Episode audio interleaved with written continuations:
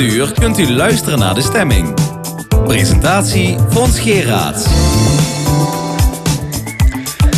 Welkom bij de stemming, ook vandaag gewijd aan de impact van de coronacrisis.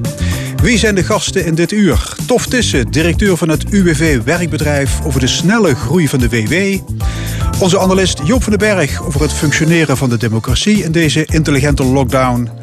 Een verslag vanuit Italië, een column van Rezi Komans, maar eerst het onderwijs. Want morgen gaan de basisscholen weer open. Ik ga erover praten met Caroline Salata-Thomas, directeur van basisschool De Doorkijk in Kerkrade. En ook met Pascal Kuipers, docent in het voortgezet onderwijs en publicist. Mevrouw Salata, welkom. Zijn jullie er uh, klaar voor? Ja, we zijn er uh, klaar voor. Er is afgelopen week hard gewerkt. En uh, ja, we hebben alle zaakjes in orde op dit moment. Ja, ja. wat hebben jullie allemaal moeten doen? Uh, we zijn met een aantal praktische zaken bezig geweest. Uh, en dat gaat van uh, in, in, welke deur komen kinderen naar binnen? Hoe gaan we naar binnen? Um, looproutes moeten looproutes, aanleggen. Plexiglas ook? voor sommige leerkrachten wel, die zich daardoor wat zekerder voelen. we hebben gekeken hoe delen we de klassen in. Inderdaad, hoe lopen we door de gang? Welke schoonmaakmiddelen zijn nodig? ja, dit soort zaken ja, allemaal. Kortom, het was een heel, heel gedoe, een hele operatie. Ja, en daarnaast zijn we natuurlijk ook op didactisch gebied bezig geweest om te kijken van hoe gaan we nou starten, hoe vangen we kinderen op een goede manier op binnen de school. Want kinderen hebben natuurlijk best veel meegemaakt. hoe maken we een goede start op maandag en dinsdag? Gaan de kinderen om en om naar school? Of krijgen ze halve dagen les? Uh, nee, om en om. Dus er komt altijd een halve klas. En de andere helft komt de dag erna. De dag erna, ja. ja. Maar voor veel ouders kan dat, kan dat een hoop stress opleveren. Hè?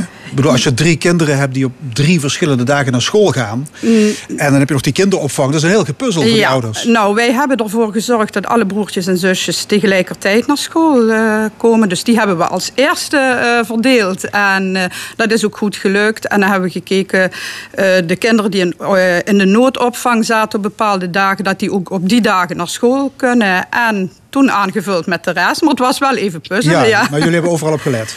Overal op gelet. Pascal Kuipers, onderwijspublicist. Wat vind jij ervan dat de basisscholen weer open gaan? Nou, ten eerste spannend natuurlijk. Uh, ja, ik zit niet in basisonderwijs, maar ik heb het wel allemaal goed gevolgd. Uh, we hadden het er zojuist ook even over. Uh, ik denk dat het heel belangrijk is dat de school sowieso binnen de richtlijnen die gesteld zijn van het RIVM, maar ook van minister Slop, dat ze daar binnen gaan functioneren. Of althans dat gaan proberen. Want niemand weet natuurlijk precies hoe het zal gaan. Uh, ja, de eerste dagen, hè, wat is de opkomst? Welke kinderen blijven thuis? Hè, worden ja. thuis gehouden? Zijn misschien ziek? Maar dat ja. geldt ook voor docenten. Dus ik vind het wel heel spannend om te ervaren Zeker. wat er gaat en, gebeuren. En voor kinderen is, is de school meer dan in de klas zitten, hè?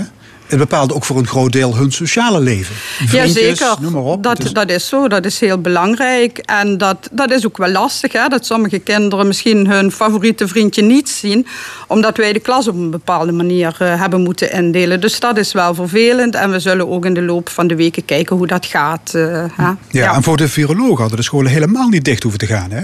Dat is nee. gebeurd onder druk van de ja, publieke dat opinie. Klopt, dat klopt. En premier ja. Rutte zei dat het kabinet ook rekening heeft te houden met de stemming in de samenleving.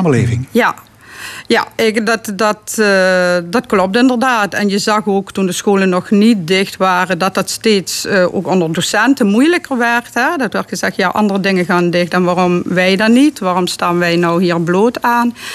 Uh, dus dat heeft zeker gespeeld. En uh, wat je nou wel ziet is dat ondanks dat mensen bepaalde zorgen wel hebben... Hè, of het spannend vinden toch heel veel mensen of leerkrachten blij zijn dat we maandag uh, kunnen ja. beginnen. Ja, Pascal, het was een forse maatregel acht weken ja. geleden. Wat dacht je toen? Nou, uh, toen die eerste persconferentie half maart uh, kwam, zag ik toevallig in de auto. En toen werd er wel wat over gesproken, ook op school. Hè, van ja, stel je voor uh, dat we misschien dicht moeten. Ja, dat leek een beetje nog ver weg toen. Maar toen meneer Rutte alles ging vertellen wat dicht ging... en tot een bepaalde tijd en de scholen volledig genegeerd werden. Mm. Dat vond ik wel echt niet kunnen. Dus toen, uh, ja, toen heb ik, ben ik meteen in de pen geklommen en binnen een uur heb ik een stuk uh, geschreven erover. En uh, gelukkig was er veel bijval en is het alsnog bijgetrokken. Mm. Want ik vind het wel goed dat het zo lang dicht is gegaan. Ja, maar hoe zal het qua gezondheid straks gaan uitpakken? Um, ja, dat is natuurlijk moeilijk te zeggen. Ik, uh, ik kan alleen, we, we hebben een stukje ervaring. We hebben op onze school 40 kinderen uh, opgevangen in de noodopvang. In wisselende samenstellingen met wisselende leerkrachten. En dat is eigenlijk heel goed gegaan. Er is niemand ziek geworden, uh, er is niemand ziek naar school gekomen.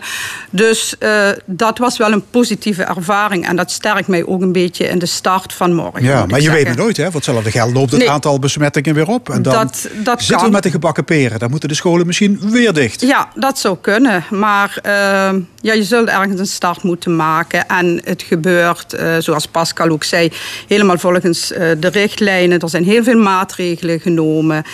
Uh, dus ik zie dat wel met vertrouwen tegemoet. Ja, maar toch zeggen. vinden een hoop leraren het te vroeg. He, die zijn gewoon bang dat ze het virus oplopen. Ja. Hoe, hoe, is de stemming op uw school? Um, ik merk dat op mijn school niet. Er heeft niemand gezegd, uh, ik kom niet werken omdat ik uh, uh, dit niet, niet goed vind. Er zijn natuurlijk wel mensen die in de risicogroep vallen. En daar hebben we gewoon goede afspraken mee gemaakt. Die blijven ook echt gewoon thuis. maar er heeft echt niemand gezegd, ik kom niet werken ja. omdat ik dit geen goede maatregelen vind. Maar als je niet wil, blijf je gewoon thuis, zegt u? nee, als je in de risicogroep ja, valt. Dat wel dan mag je thuis blijven. Ja. Maar ik heb begrepen dat een kwart van de leerkrachten in het basisonderwijs is boven de 55. Ja. En relatief veel COVID-19-patiënten die zitten tussen de 50 en de 65. Mm -hmm. Ja, ja, er is natuurlijk, uh, kijk, de richtlijn is uh, ouder dan 70, hè, de, de RIVM-richtlijn. En uh, uh, leerkrachten die wat ouder zijn, die hebben daar inderdaad uh, soms moeite mee. En daar heb je het, het gesprek uh, over met elkaar. Maar nogmaals, ook onder die leerkracht heeft niemand gezegd: ik kom niet of ik wil niet komen of ik ga dat niet doen. De mensen bij mij op school. Ja. Hè? Maar als ik nee, binnen Movare kijk, is dat ook niet de, de, de tendens. Nee. Nee, maar een leraar van 63 die mag zijn kleinkinderen niet zien. Maar die staat ja. morgen wel voor uh, ja. 16 snottenbellen. Ja, dat is ook heel raar. Dat snap ik. Die tegenstrijdigheden, of, uh, die zijn er in ieder geval. Dat, dat snap ik. En, uh, maar nogmaals, leraren zeggen wel, ik kom. Ik wil voor mijn klas staan. Ik wil er voor mijn kinderen zijn. Ja. De leerlingen die hoeven geen anderhalve meter in acht te nemen. Nee. Dat, is ook, dat is ook niet te doen. Nee, nee. Uh, maar wel ten opzichte van de leerkracht. Ja. Ziet u dat gebeuren? Uh, gedeeltelijk, op momenten. Maar niet de hele dag, dat kan niet. En zeker niet uh, in, in een bovenbouw zul je dat wat meer... Uh, uh, in acht kunnen nemen. Maar bij kleuters natuurlijk helemaal niet. Want die, die willen veters gestrikt hebben en de broek moet open om naar de wc te gaan en de jas dicht en uh, neuzen gepoetst. Dus dat gaat echt niet, uh, niet lukken. Nee. Pascal, straks in het voortgezet onderwijs, die anderhalve meter? Ja, wordt heel moeilijk sowieso. Um, ik denk dat het weer inderdaad net wat anders is dan in het basisonderwijs. Wij krijgen um, waarschijnlijk veel meer kinderen in de school. Uh, dat moet ook allemaal in goede banen geleid worden. Um, ja, er zijn natuurlijk vanuit uh, uh, de VO-raad zijn deze week toevallig de protocollen bekendgemaakt. nou, dat zijn er heel wat. als ik dat lees, dan denk ik van, ja, hoe kan ik nog lesgeven als ik me aan al die regels moet gaan houden? Sowieso omdat ik een praktijkvak geef. En daar staat ook bijvoorbeeld bij dat, we, um, dat de docent pendelt tussen de lokalen. Met een theorievak is dat te doen maar bij een praktijkvak niet. Dus ja, er komt ook weer een enorme druk op een, op een lesrooster en om een roostermaker te liggen. Hoe ga je dat organiseren? En daarnaast, ja, er staat ook bij uh, die anderhalve meter afstand houden. En wij moeten er zelfs ook op toezien dat de kinderen onderling anderhalve meter afstand houden. Mm. Ja. Oké, okay, dat geldt wel dus in het voortgezet ja, onderwijs. dat stond erbij. Voor, ja, ja, ja oké. Okay. Ja. Mevrouw Salata, um, jullie hebben acht weken lang afstandsonderwijs ja. gegeven. Mm -hmm. en sommige scholen hadden daar totaal geen ervaring mee. Mm -hmm. hoe, hoe was dat bij, bij jullie? De doorkijk in Ja, dat, uh, was dat ook volkomen nieuw? Dat was volkomen nieuw. En uh, daar zijn we mee aan de slag gegaan. Vooral in de bovenbouwgroepen. Wij hebben dat minder gedaan in de middenbouw en de onderbouwgroep. Hebben we het op wat andere manier gedaan. Maar in de bovenbouw zeker wel. Dat uh, was volkomen nieuw. Ja. Leerkrachten hebben daar ook echt tijd in moeten investeren om dat onder de knie te krijgen. Maar ook daar zie je dat jong en oud zich daar echt in heeft gestort op een hele fijne manier. En ja, dat biedt ook wel mogelijkheden voor de toekomst, moet ja. ik zeggen. Hoe ja. ging dat bij jullie, het Connect College en Echt? Uh, nou, dat ging heel snel. Uh, toen duidelijk werd wanneer uh, dat we moesten stoppen op school. Hè. Dat was echt in een weekend werd dat duidelijk gemaakt. En op maandag zijn we nog zo goed en kwaad mogelijk als kon bij elkaar geweest in de aula. Dus op ruimte en afstand. Eh, om te bespreken wat de bedoeling zou gaan worden voor de komende drie weken. Was het toen nog, hè? Dus dat leek van, oké, dat gaan we wel doen. Drie weken is goed overbruggen. Maar inmiddels zijn we bijna twee maanden verder. En dat loopt alsnog goed. Hebben jullie het gevoel dat de lesstof goed is overgebracht? Dat, nou, dat kinderen een beetje behoorlijk onderwijs hebben genoten? Ik merk aan de klassen die ik zelf heb, um, online zelfs met een praktijkvak, hè, want er was toch wel even de vraag hoe gaan we dat uh, doen. Um, dat als je daar toch uh, aandacht aan besteedt en toch elke week die contacten hebt met de leerlingen online. Um, en het klassenboek bijhouden, dus magister hè, van huiswerk niet af, uh, niet aanwezig. Dat het wel werkt dat ze ook doen en inleveren. Maar het is wel zo dat bij mij niet tijdens de les alleen maar gewerkt wordt, maar ook buiten de les. En dat kan op school natuurlijk niet, want de werkstukken blijven op school. En nu hebben ze alle werkstukken thuis. Ja, en dat maar, is een groot voordeel. hebben leerlingen een, een, een, ja, een onderwijsachterstand opgelopen? Um, Leerachterstand? Nee, dat denk ik niet. Tenminste, het, het ligt er een beetje aan. Het is wel verschillend hè, in, in welke thuissituatie kinderen zitten. Dat merken wij wel. Eén kind zal veel meer ondersteund worden dan het uh, ander kind. Maar wij werken sowieso met rekenen en spelling uh, altijd in een online omgeving. Hè. Niet dat er dan digitaal lessen worden aangeboden, maar wel in een online omgeving hebben we nou ook gedaan. Dus we hebben ook goed kunnen volgen wat kinderen doen. Ja. Uh, zeker van groep 5 tot en met 8. Dan zie je toch dat er heel veel werk is gedaan en dat op een goede manier uh, gebeurt. En iedereen heeft een computer thuis en weet erop om te gaan en heeft nee, wifi nee, en dat soort Nee, nee dat niet? Nee, nee dat, dat zie je wel dat wij hebben. We hebben ook... Maar die zijn dus de klos de afgelopen acht weken. Ja, wij hebben, wel, uh, bijvoorbeeld onze onderwijsstichting heeft samen met de stichting Leergeld uh, ervoor gezorgd dat daar waar dat dan een probleem was, kinderen een computer kregen thuis. We hebben devices van school uitgeleend voor kinderen waar dat een probleem was.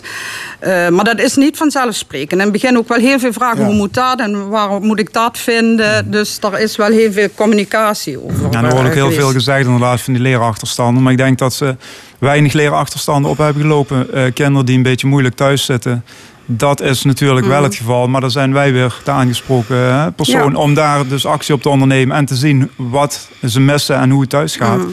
Nou, dat is ook aan een mentor en aan de vakleerkracht natuurlijk uh, uh, is dat de taak we hebben het bij ons op school goed in beeld in elk geval. En ik kan maar heel, die kun je op één hand tellen, die leerlingen die uh, minder in beeld zijn. Dus hmm. nog niet eens helemaal uit beeld. En dat is, vind ik wel fijn. Maar dat is bij scholen anders, denk ik. Ook vooral misschien in de grote hmm. steden. Hebben die online lessen ook voordelen? Met andere woorden, gaat u het misschien in de toekomst vaker inzetten? Ehm, ik, ik zie daar uh, mogelijkheden in als het gaat bijvoorbeeld als je het hebt over vervangers uh, die niet te krijgen zijn. Hè, en, en waar je soms echt geen mensen voor de klas hebt, of, of zelfs een klas naar huis moet sturen. Ik kan me voorstellen dat uh, online lesgeven dan een, een, een mogelijkheid is om in noodgevallen. In noodgevallen, ja. Nou, we deden dat ook wel enigszins al op die manier. Niet met uh, film en live dan, maar wel dat um, mocht je uitvallen dat alles klaar ligt, ook online. Hè, dat mm. iemand het kan overnemen, de les zeg maar, uh, die dan uh, in het lokaal aanwezig is. Maar ik denk dat de volgende stap nu wel heel snel genomen is. Dat dat iets toegankelijker is geworden en daardoor misschien ook makkelijker voor als er uitvallers zijn en als er lessen uitvallen. Mm. Ja. Ja, die kinderen zaten acht weken thuis, hè, opgehokt, niet naar school geweest. Met welke verhalen komen die morgen naar school? Uh, ben ik zelf ook heel benieuwd. Ik, uh, ik denk wel dat kinderen, ja, sommige kinderen hebben natuurlijk ook nare ervaringen gehad. Doordat uh, ja, bij ons op school ook wel bijvoorbeeld uh, opa's en oma's zijn overleden. Ehm, sommige kinderen hebben natuurlijk heel veel thuis gezeten. Veel, veel stress misschien. Veel stress gehad. Geweld, de kindertelefoon ja, heeft heel veel meldingen gekregen. Ja. Um, dus die ervaringen, dat zal zonder meer ook naar, uh, naar school komen. Dus het zullen positieve dingen zijn en ook, uh, ja. en ook negatieve dingen. Daar zullen we op moeten inspelen. Ja. Pascal Kuipers, op 1 juni gaat het voortgezet onderwijs weer van start. Um, ja, blij als het zover is? Ja, het is, het is nog een hele tijd. Dus ik ben blij dat de basisscholen beginnen om te zien hoe het gaat. Mocht er een opleving komen, dan denk ik dat het niet verstandig is om eh, het voortgezet onderwijs uh, weer te activeren per 1 juni. Um, minister Slop heeft sowieso nog een slag om de arm. Dus uh, het is nog niet helemaal zeker of dat wel echt doorgaat. Ik denk dat ze ook dit afwachten. Ehm, maar natuurlijk blij, ja. Maar wel met gemengde gevoelens, dat zeker. Oké, mag ik jullie hartelijk danken. Pascal Kuipers, docent aan het Connect College. En Carolien Salata, directeur van basisschool De Doorkijk. Dank jullie zeer. Ja, dankjewel. Ik ga naar onze politiek analist Joop van den Berg. Emeritus hoogleraar parlementaire geschiedenis aan de Universiteit Maastricht en geboren Maastrichtenaar. Vanwege corona niet hier in de studio, maar thuis aan de telefoon. Joop, goedemorgen. Goedemorgen. W waar wil je het vandaag over hebben? Wij moeten het vandaag hebben, en dat klinkt een beetje gek, over een boek dat al meer dan 50 jaar oud is. Uh, maar dat uh, juist nu weer verschrikkelijk actueel is. Het is een boek van de politicoloog Arend Leijphart. Uh, iedereen die dat vak gestudeerd heeft, kent dat boek. En dat heet Verzuiling, Pacificatie en Kentering in de Nederlandse Politiek. Hij heeft dat geschreven in 1968 in de Verenigde Staten, want daar studeerde hij en werkte hij intussen, hoewel hij wel van Nederlandse afkomst is. En uh, eigenlijk met het idee uh, om Amerikanen uit te leggen dat een systeem als het Nederlandse uh, werkte, want dat konden ze zich niet voorstellen. En waarom niet? Omdat Nederland een, toen nog in veel opzichten een sterk verzuilde samenleving was. Een samenleving dus met allemaal gesloten gemeenschappen die ook ten opzichte van elkaar nogal geïsoleerd leefden. Maar ja, die toch op de een of andere manier een democratie moesten vormen. En uh, heeft dat toen de pacificatiedemocratie genoemd. Dat uh, slaat terug op een historische gebeurtenis, maar die laat ik nu maar. En waar de democratie niet zozeer werkte met wisselende meerderheden, zoals in de Verenigde Staten of in Groot-Brittannië, maar met een soort permanente constellatie van alle minderheden die samen de regering vormden. Maar dat kon alleen maar bij de gratie van een aantal spelregels die uh, politici in acht moesten nemen, wilden ze uh, inderdaad erin slagen die democratie een beetje overeind te houden. Ja, Joop, dus uh, samengevat, wij hebben nooit twee van die grote machtsblokken gekend, zoals in nee. Engeland en Amerika. Nee. Maar nee. wij maakten kabinetten van allerlei minderheidsgroepen. Minderheidsgroepen. Van, met, met, deelname ja. van katholieken, ja. protestanten, liberalen en socialisten. Socialisten. Ja. En dat was vooral na 1945 zo. voor 1945 deden socialisten niet mee, want ja, die werden toch een beetje als een gevaar gezien. Ja. Maar dat was uh, na 45 uh, afgelopen. Ja, maar dat ging gepaard met, met bepaalde spelregels. Met wat, bepaalde, wat waren ja, de regels van dat spel? Vaste regels. Om te beginnen, uh, zakelijkheid, dat klinkt een beetje vreemd, maar wat de bedoeling van is, is uh, vooral politiek geen theater opvoeren, want uh, dat kan alleen maar mislopen. Dus zo zakelijk mogelijk argumenten uitwisselen. Ehm, pragmatische tolerantie. Accepteren dat een ander een totaal andere opvatting over van alles heeft dan jij en je toch met hem moet samenwerken. Voor zover uh, financiële middelen verdeeld moesten worden, subsidies, benoemingen, zendtijd, u noemt het maar, al, altijd zorgvuldig naar evenredigheid van de omvang van die uh, minderheidsgroep. En een belangrijke regel was ook uh, depolitiseer waar je kunt. Dus waar politiek hete tegenstellingen bestonden, werd er altijd heel inventief gekeken naar uh, een, ja, een instrument uit de wetenschap. Waardoor het leek alsof het eigenlijk helemaal geen politiek probleem, maar een wetenschappelijk probleem was. En uh, daar is Nederland, uh, of de Nederlandse politiek, vaak heel inventief geweest. De AOW bijvoorbeeld is zo'n voorbeeld daarvan. Want daar bestonden hele fundamentele tegenstellingen over. Maar er is een truc bedacht waardoor alle partijen dachten... nou, zo vinden we het allemaal aanvaardbaar. Er kwamen nog twee uh, bij, namelijk uh, veel aan de regering overlaten... dus een wat leidelijk uh, optredend parlement... en veel geheimhouding.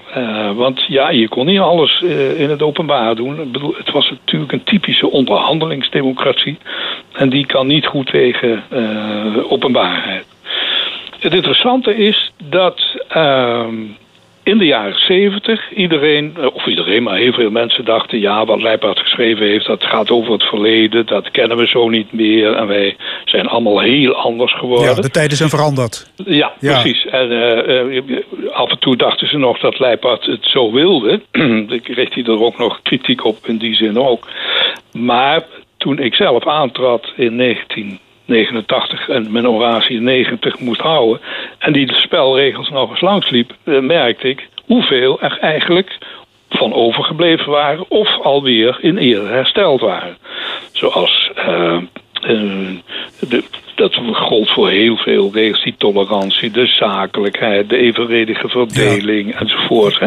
Joop, en als we een sprongetje maken van de jaren 70 naar de tijd van nu, hè, in deze tijd van corona. Is de analyse van die meneer Leijpacht dan weer helemaal van toepassing? Ja, het gekke is dat hij weer helemaal terug is. Want toen ik aantrad, uh, dus dan hebben we het over 30 jaar geleden ongeveer, was geheimhouding toch iets, dat deed je niet. Uh, dus er werd veel in het openbaar uh, met elkaar gesproken. Er werd ook veel meer gepolitiseerd. De tegenstellingen werden ook duidelijker weergegeven. Het parlement was ook veel actiever geworden in de jaren 70, 80. En nu zie je eigenlijk uh, ja, Leipha's oude regels weer helemaal terugkomen. Want bijvoorbeeld uh, als het gaat over de premier... die verkondigt elke week dat hij de experts volgt. depolitisering dus. Hè? Proberen ja. het voor te doen alsof het allemaal geen politieke besluiten zijn. Dat zijn het natuurlijk wel. Mm -hmm. Al was het maar de keuze van de experts van wie je het advies vraagt. En daar is dus ook intussen discussie over ontstaan met uh, de Tweede Kamer. Tweede voorbeeld. Je ziet het parlement ja, langzaam weer een beetje wakker worden. Maar het is dus acht weken lang buitengewoon passief geweest. En uh, dat verschool, het parlement verschool zich vaak van ja, en we kunnen niet goed vergaderen, want die coronacrisis. Want uh, ja, wij kunnen ook alleen maar op anderhalve meter van elkaar. En ze hebben zelfs nog wel gedacht aan elektronisch vergaderen. Maar uh, dat blijkt dus eigenlijk allemaal totale onzin te zijn. Als je een beetje goed organiseert, ja. kan het parlement echt zijn normale werk doen. En dat begint nu ook wel weer terug te komen. Maar wonderlijk zoals het parlement eigenlijk uh, ook de oppositie hoor, uh, accepteerde wat het kabinet allemaal uh, bedacht had. Terwijl het soms best voor discussie uh, vatbaar ja. zou zijn geweest. Maar, maar in crisistijd krijg je natuurlijk crisismanagement. Maar, maar ja, jij zegt zeker. het is en het blijft oppassen geblazen. Het blijft oppassen geblazen. Het mag dan crisismanagement zijn. Maar zeker omdat dan de geheimhouding vaak ook weer terugkomt. Van ja, maar niet te veel in de openbaarheid. zie je dat je als Kamerlid verschrikkelijk moet uitkijken. Want voordat je het weet, begint. Ja, ik zal niet zeggen dat de democratie voor je ogen wordt afgeschaft. Want dat is natuurlijk zwaar overdreven.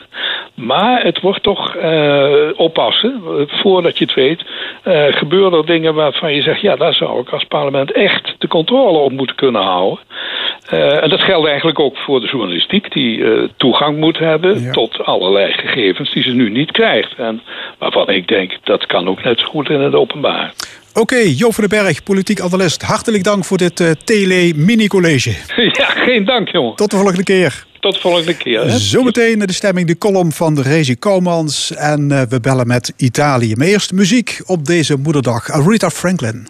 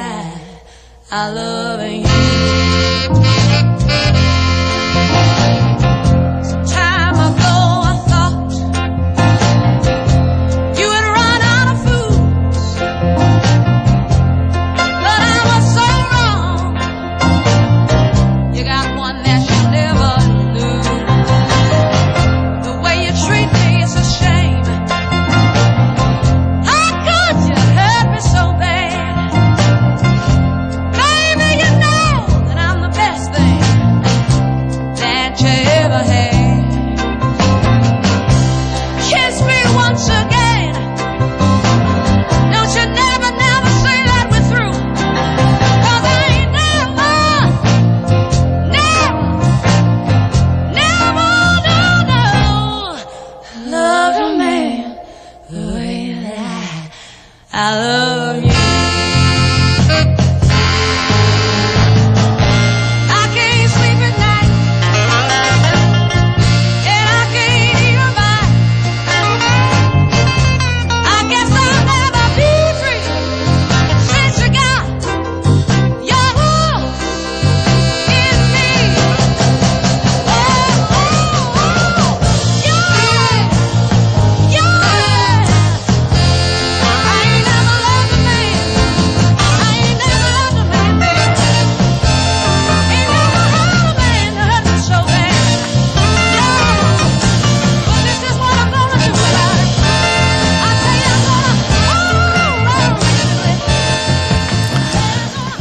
Aretha Franklin in de stemming van L1 Radio.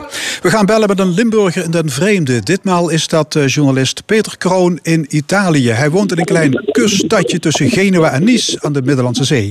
Peter, sinds uh, maandag is in Italië de lockdown versoepeld. Hoe groot is de opluchting? Uh, goedemorgen. de opluchting is heel groot. Ik had het idee dat niemand meer kon wachten. Ja, wat mag je nu allemaal in vergelijking met vorige week? Uh, niet veel meer. Je mag nou uh, zonder dringende reden mag je uh, naar buiten toe. Maar je bent wel verplicht in, de, in het stadje te verblijven waar je woont. Ja, en je, dus- je kunt naar het koffiebarretje op de hoek voor een dubbele espresso.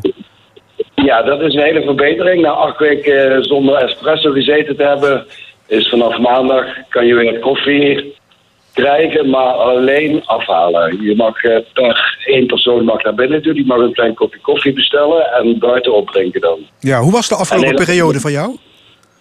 Wat zeg je? Hoe was de afgelopen periode, die lockdown, die strenge lockdown? Nou, die was heel erg. Dat is acht weken alleen maar binnen zitten. En uh, de enige reden waarom je weg mocht was naar de supermarkt. En er werd uh, hevig gecontroleerd inderdaad. Ja, nou ja, je, je, hebt een tuin achter je huis, dat scheelt. Je, je zou maar een Milaan driehoog achter uh, in een klein flatje wonen, hè, met vier kinderen. Ja, dat is nog veel erger inderdaad. Wat dat betreft heb ik wel geluk gehad om een mooi terras te hebben. En, uh, een redelijk groot huis, dus... Uh, maar inderdaad, ik ken ook families die zitten hier ook met twee kinderen op een klein flatje en een klein balkonnetje. En dat was pittig voor hen, ja. De crisis heeft ook uh, ja, zware economische schade toegebracht. Ik las dat er een miljoen armen zijn bijgekomen en dat de rijen bij de voedselbank groeien. Uh, jij zit aan de zogenoemde bloemenriviera. Wat merk jij? Uh, nou, wat ik in eerste instantie merkte, de maand april en mei, dat is de, de echte de, de bloemenmaand. Dan staan alles in bloei hier. En normaal gesproken zie je dan overal vrachtwagens uit heel Europa op en aanrijden en die komen allemaal die bloemen afhalen. Maar nu is ongeveer, ik hoorde het 70 tot 80 procent van de bloemen moest vernietigd worden, omdat ze daar geen, geen kant mee op kunnen. Dus. Dus 70, 80 procent van die bloemen wordt gewoon doorgedraaid. Omdat de seizoensarbeiders uit, ik noem maar wat, Bangladesh, die, die, die, ja, die zijn er niet. Nee, die waren er niet. En, uh, ja, dan, ze konden de bloemen ook niet meer exporteren. Dus, uh, maar voor mij was het een geluk. Ik heb nog nooit zoveel bloemen in mijn huis gehad. Die lagen gewoon overal op straat hier. Dus, uh... Ja. Hey, jij woont in uh, Albenga, dat is een kustplaatsje, dat drijft op toerisme. Ja, die toeristenstroom is, is ook helemaal opgedroogd, denk ik, hè? Ja, er is geen toeristen die op het ogenblik. Zelfs niet uit uh, Torino en Milaan. Die, dan, die mensen die wat hier tweede huizen hebben, die komen ook niet meer. En ja, iedereen is met angst en beven de zomer tegemoet aan het zien van hoe dat, wat er gaat er gebeuren. Want de strandtentjes die zijn normaal, die zouden al lang opgebouwd moeten zijn, maar er is helemaal niks nog. Ja, wanneer mogen die wel open? Ja, dat is onduidelijk. Dat weten die mensen zelf ook niet. Eind mei uh, wordt er verder gekeken of uh, er strandtentjes open mogen. En op welke manier dat ook gaat, dat is ook allemaal onduidelijk. Dus die mensen weten dat niet. Uh. En dat is toch wel een kleine ramp, want dat zijn meestal wel familiebedrijfjes, die strandtentjes. En die draaien helemaal op de zomer. En de winter hebben die uh, geen inkomsten. En nou ziet het er nou uit dat we de zomer ook geen inkomsten hebben. Dus dat zal uh, heel wat bedrijfjes omvallen, ja. ja. En mag jij weer gaan zwemmen in de zee? Sinds afgelopen maandag mag, uh, mag je weer gaan zwemmen in de okay. zee. Met gepaste afstand. Ja. Maar er is toch niemand in de zee op het ogenblik. Het water is toch een beetje koud nog. Maar alleen doorgewinterde Hollanders die zitten in de zee dan. Ja. Hey, de regels zijn iets wat uh, ja, versoepeld sinds afgelopen maandag. Uh, mondkapjes zijn verplicht. Uh, hoeveel van die mondkapjes heb je nog voorraad? Um, twee, moet ik zeggen. Maar ik maak zelf mondkapjes van uh, allerlei materialen. Je maakt ze zelf? Maar, wat zeg je? Zeg, je maakt ze zelf? Ik maak ze zelf, ja. ja van, van sjaaltjes en zo. Maar maar ze zijn ook vrij lastig te krijgen, inderdaad. Er zijn, nou, volgens mij deze week is een nieuwe lading binnengekomen. Maar vorige week was alles uitverkocht, ja. Oké. Okay. Hey, ik wens je veel sterkte. Is goed, dat lukt wel. Zon is schijn, dus... Uh... Alright. Peter Kroon vanuit de. Bloemen Riviera in Italië. Hartelijk dank en ciao. We gaan luisteren naar eh, de column. Vandaag gemaakt en gelezen door comedienne en kastelein Rezi Komans. De column. Vandaag met Rezi Kouwmans. Goedemorgen, loestereers. Eh, mijn naam is Truus Kouwmans. Ik ben beeldend kunstenares, vrouw van Jos, moeder van Nico, Martin en Rezi. En op deze moederdag ben ik niet echt verrast over wat er nu aan de hand is in de wereld. Jaren geleden waarschuwde ik Reesje namelijk al. En ik zei, kind, we krijgen duister dag. En dan moeten we allemaal binnen blijven. Zorg dat ze voorbereid is. Zorg dat ze alles in huis hebt. Water, kersen, batterieën, zonlicht, zeep. Want ik heb een boodschap doorgekregen van boven.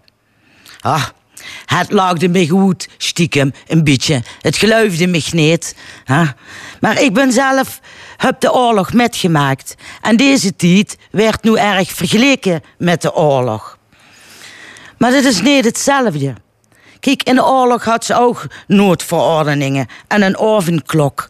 Maar we kosten wel bijeen schuilen. En in deze tijd willen ze er een noodwet doorheen duwen. Dan moest je toch niet aan denken, lieve mensen, dat die politie zomaar die huis binnen vallen. Op verdacht dat ze meer als drie personen op bezoek hebben. Dat is niet menselijk. Mensen hebben mensen nodig. En terecht of onterecht, ja, daar wil ik het niet over hebben. Maar dit is een onmenselijke situatie. Ik zocht de koning op de dam. Prachtig met zijn baard en Maxima. Dat zag er ook heel schoon uit. want Wat hadden de net pakje aan. Maar ik ga het liever toch het stiller gehad. Want net wie dat zu die krans gingen liggen... en dat het heel indrukwekkend zou moeten zijn... begint die kapel te spelen. Mijn mens Jos, die was gek op muziek. Dus die had dat prachtig gevonden. Maar ik was er niet zo van onder de indruk. En dan de speech van hem. Dat deze tijd van onvrijheid ons eigen keuze is, in tegenstelling tot die van de oorlog. Daar ben ik het niet met eens. Want wij hebben ook nu geen keuze. Ook dit werd ons opgelachen. Terecht of onterecht, daar wil ik het niet eens over hebben. En dan zijn excuses maken voor zijn overgrootmoeder en oma. Hij was het toch ook niet schuld? Net zo goed dat veren nu ook allemaal niet schuld zijn. Dat vind ik geen fijn gevoel. Dat ze ons doen geluiven dat we het zelf schuld zijn. En als dadelijk de IC's wel vol liggen, wij hebben het gedaan. De mensen snakken op perspectief. Hé, met zijn routekaart. maar dat is een leeg woord. Dat is ons blij maken met een dooi mus. Helaas. Zelfs al zou er een vaccin zijn, mensen moeten sterven. Lever niet nu. Lever helemaal niet. Maar dat is nu eenmaal de consequentie van leven. Dus leef, Reesje. Zo fijn mogelijk. En blijf geluiven in het goeie, ook al zuzen het niet. Ach, lief mama, ga je toch zo kunnen huren zeggen. En ik denk dat Stoet jammer vindt dat ze er niet meer bus. Dat ze iedereen, hè, wie Stoe het de stoute vinger had gegeven. Zuus wel, ik zei het dich toch. Maar stiekem ben ik ook blij dat ze er niet meer bus. En dat ze dit allemaal niet met hoeft te maken. En dat wij wel gewoon waardig van die afschiet hebben kunnen nemen. Vorig jaar. Die beeld van moeder aarde staat trots bij mij voor de deur als symbool van strijdvaardigheid. We laten ons niet dronger krijgen. En die hondje, dat duidt het fantastisch bij ons. Leefs, Rezi en Nokki. De column van Rezi Komans. Ik ga zo meteen praten met uh, Tof Tussen, algemeen directeur van het UBV Werkbedrijf. Maar eerst Adamo. La, la, la,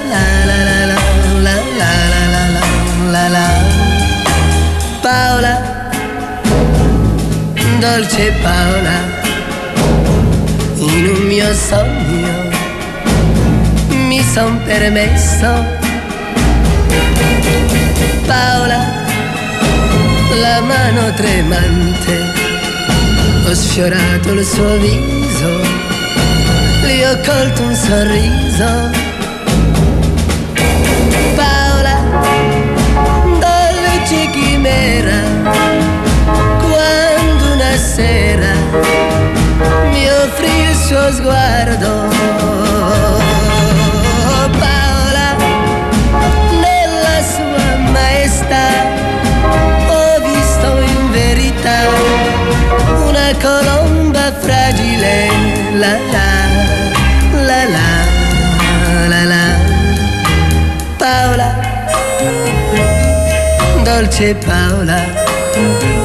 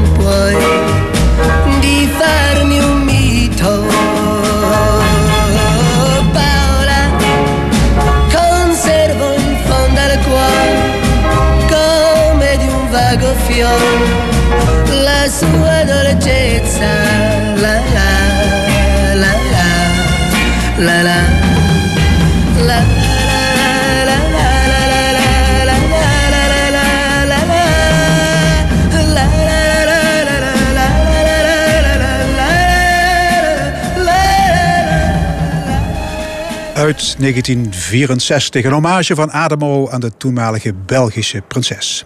U luistert naar De Stemming. Door de coronacrisis zijn duizenden mensen hun baan kwijtgeraakt. Die hebben zich allemaal gemeld bij uitkeringsinstantie UWV voor een WW-uitkering. Onder de aanvragers relatief veel uitzendkrachten. Toftis, welkom. Ja, Je bent eh, algemeen directeur van het UWV Werkbedrijf. Ja, worden vooral jongeren getroffen door deze crisis? Eh, jongeren, mensen die een flexcontract hebben, oproepcontract, een nul-urencontract, die worden getroffen. En mensen die sowieso al een kwetsbare positie op de arbeidsmarkt eh, hebben en hadden. Mensen die chronisch ziek zijn, die een be- beperktere mogelijkheid eh, hebben. Dat zijn vaak mensen die ja, het eerste gevolgen van een, van een oplopende crisis merken. Ja, En- ja, vooral ook flexwerkers. Hè. Die zijn altijd als eerste en de pineut dat een merk ik me grote zorgen over. In die zin kun je ook zeggen van ja, de, de, het rapport van de commissie Hans Borslap en het WRR-rapport, Wetenschappelijke Raad voor het Regeringsbeleid, alle twee gepresenteerd half januari, die beginnen een beetje gelijk te krijgen.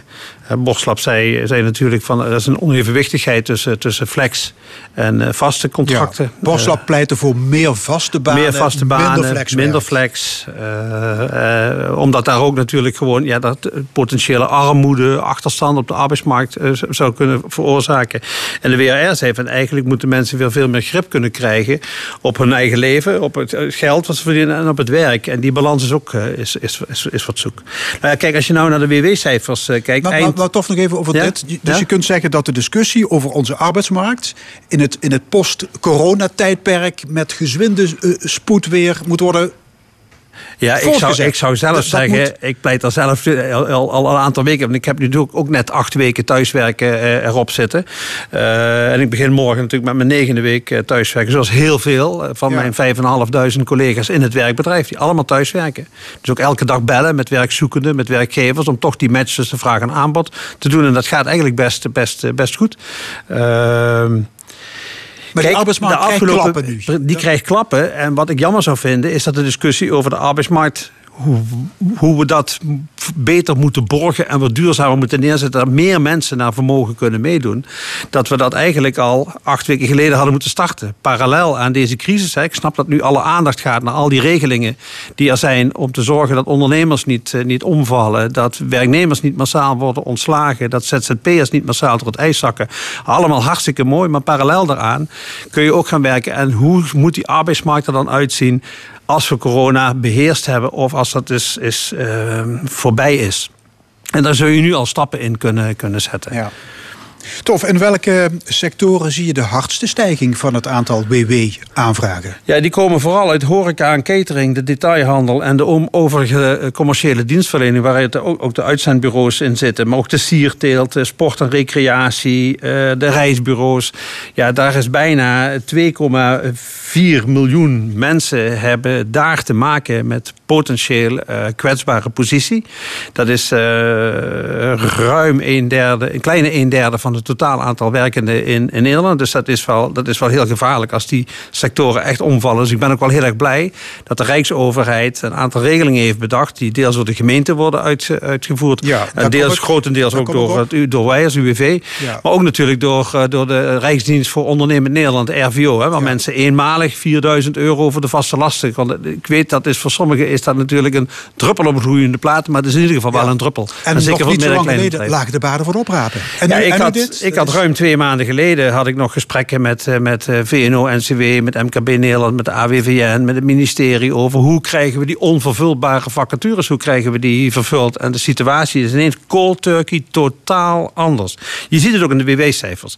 Eind, hè, we hebben ook eh, deze maand of de vorige maand, april is het alweer, hebben we de, het jaarverslag eh, UWV dienstverlening over een jaar 2019 gepresenteerd. Eind december waren er 223.000 mensen die een WW-uitkering hadden, waar er overigens 57.000 ook al van werkten, alleen nog een aanvullende uitkering eh, hadden. In de week 18, dat was de week dat Koningsdag was, en die liep tot en met eh, 3 mei, waren er 292.000 lopende WW-uitkeringen. Dat is een toename van meer dan 25 procent. Dat is ontzettend fors. En eh, wij vrezen, wij verwachten, maar ja, hopelijk niet. Maar we vrezen dat dat, dat, dat aantal gaat, eh, gaat toenemen. En dat we dus de komende maanden echt eh, te maken krijgen met heel veel eh, nieuwe WW-aanvragen en toegekende WW'ers. Jullie hebben dienstverlening hoog in het vaandel staan, hè? persoonlijke dienstverlening. Is dat vol te houden als zoveel mensen zich massaal melden aan het loket? Ja, dat heeft natuurlijk altijd te maken met capaciteit, capaciteit van je professionals, van medewerkers die je kunt in, inzetten. Eh, vanaf eh, dag één dat we thuis moesten gaan werken, dat was zeg maar eh, 17, eh, 17 maart. Toen is, zijn al onze adviseurs. zowel werkgeversdienstverlening als werkzoekende dienstverlening zijn thuis en gaan bellen met mensen. Dus we hebben nu ook persoonlijke dienstverlening telefonisch. Persoonlijke dienstverlening ook in toenemende mate online via MS Ja, Teams. dan krijg je een hoop schrijnende verhalen te horen. Dan krijg je schrijnende verhalen te horen. Ik bel at random ook bijna elke dag bellen collega's in het werkbedrijf. Hoe bevalt het je? Hoe gaat het thuis? Eh, hoe is je situatie? Er zijn natuurlijk ook die snakken nadat de basisscholen morgen weer open gaan. Iets meer rust in, in huis is. Je hoort soms als je mensen, collega's ook belt, hoor je achterop ook de kinderen, dat Ja. er kinderen rondkruipen en niet altijd in, in, eh, even, sti- even stil kunnen zijn op het moment dat er gebeld wordt. Maar we doen ons best eh, om mensen van dienst te zijn. Want ondanks het feit dat het bij een heel aantal sectoren heel slecht gaat, gaat het in andere sectoren komen we handen tekort. In zorg en welzijn, in de couriersdiensten, in de online eh, webwinkels, de post- en pakketbezorging. Er zijn heel veel mensen nodig. Ook bij de overheid zijn heel veel mensen opeens een herwaardering van een heleboel essentiële beroepen. Hè? De zorg, het onderwijs. Ja, laat ik, laat ik eens hardop zeggen. En ik hoop dat dat in ieder geval na de coronacrisis ook, eh, ook blijft. Dat we nu zien hoe belangrijk bij wijze van spreken de vakkenvuller in de supermarkt is. Hoe belangrijk het is dat er mensen in distributiecentra tot diep in de nacht, of de hele nacht door, spullen eh, klaarzetten. Zodat er in de winkels weer spullen zijn. En vooral natuurlijk dat al die verpleegkundigen, al die verzorgenden, al die artsen in de zorg, in alle soorten van zorg, inclusief ook de jeugdzorg, eh, de cure, de ziekenhuizen, de verpleeghuizen, de verzorgingshuizen, dat die ongelooflijk essentieel werk doen voor de samenleving. En als daar de klad in komt, ja, dan hebben we als samenleving, als geheel, hebben we wel, eh, hebben we wel een probleem te pakken. Ja. Dus die mogen bij de volgende CAO-onderhandelingen forse looneisen op tafel leggen. Ja, ik, u, weet, ik ben eh, de directeur van een bedrijf dat dat is een opdra- opdracht krijgt van de Rijksoverheid. dus ik mag geen politieke uitspraken doen. Ja. Maar ik zou, ik zou willen, als het dadelijk gaat over de rechtvaardige verdeling van de schaarste, dat dan niet de schaarste onevenredig weer neerkomt op de mensen die nu hebben laten zien dat ze een vitale sector zijn voor de samenleving. In het onderwijs, in de zorg, in welzijn, et cetera. Toch voor ondernemers is er die NOW-regeling. Eh, die krijgen loonkosten vergoed, gebaseerd op de omzet, maximaal 19% Ja, ondernemers zeggen trouwens, eh, mooi niet, in de praktijk is dat 60, 70% Ehm, hoeveel werkgevers hebben zich gemeld voor die regeling?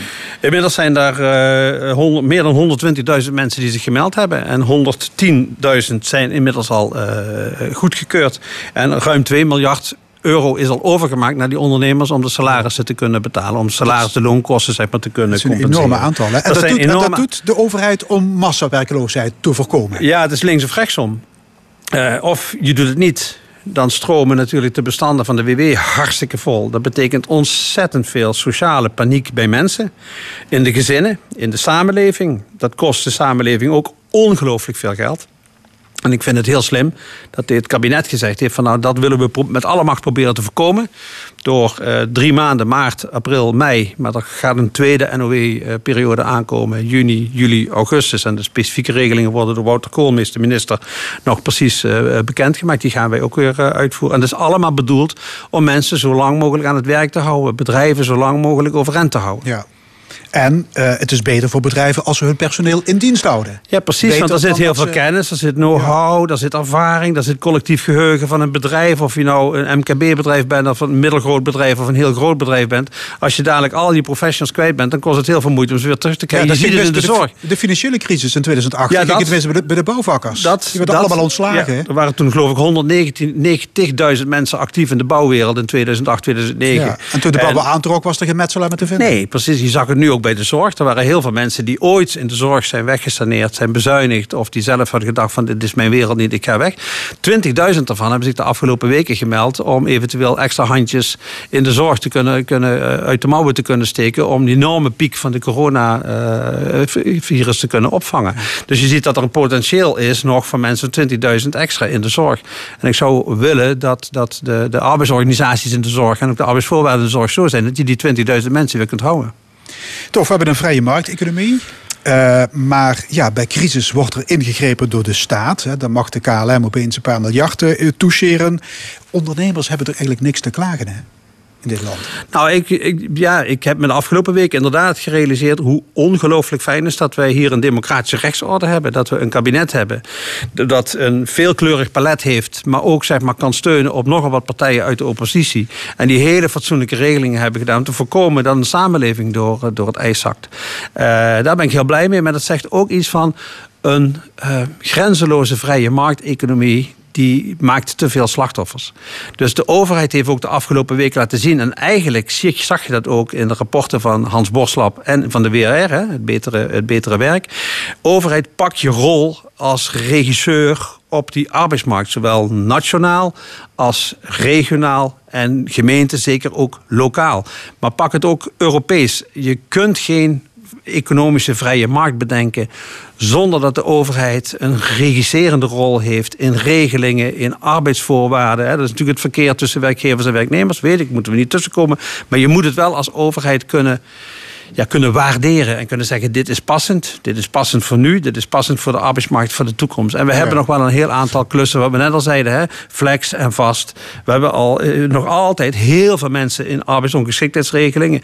Vorig jaar hadden we ruim 880.000 mensen in WIA, WHO, eh, in de Wajong en in de bijstand zeggen directeuren van sociale diensten nog altijd. Een heel flink gedeelte van de mensen in de bijstand heeft eigenlijk geen potentie meer om te werken. Heeft nauwelijks arbeidsvermogen of heeft beperkte arbeidsvermogen.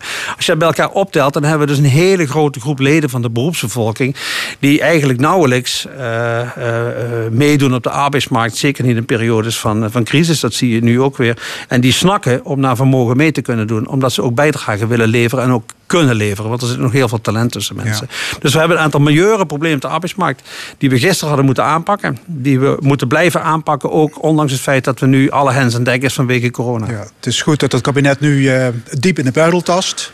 We hebben Ja. diepe zakken, zegt de premier. Ja. Maar het is goed dat op langere termijn een aantal fundamentele zaken worden Ja, want links of rechtsom, eh, kijk, als de sociale staat van een samenleving achteruit gaat, dan kost dat uiteindelijk ook heel veel. Dat is misschien niet altijd in geld uit te drukken, maar het eh, eh, ja, het is misschien wel in geld uit te drukken. Want je ziet dat het in andere sectoren, hè, dat mensen langdurig werkloos zijn, als mensen langdurig geen zicht hebben op perspectief, dan hebben ze problematische schulden. Dan zal de overheid toch iets aan moeten doen. Dan moeten ze naar de, de bijstand. Dan maken ze veel meer gebruik met, van volksgezondheid. Ook dat is vaak hè, publieke, publieke middelen. Dus ik zou ervoor willen pleiten dat we wat meer in evenwicht gaan kijken van hoe houden we de boel echt draaiend. Dat iedereen naar vermogen mee kan doen op de arbeidsmarkt.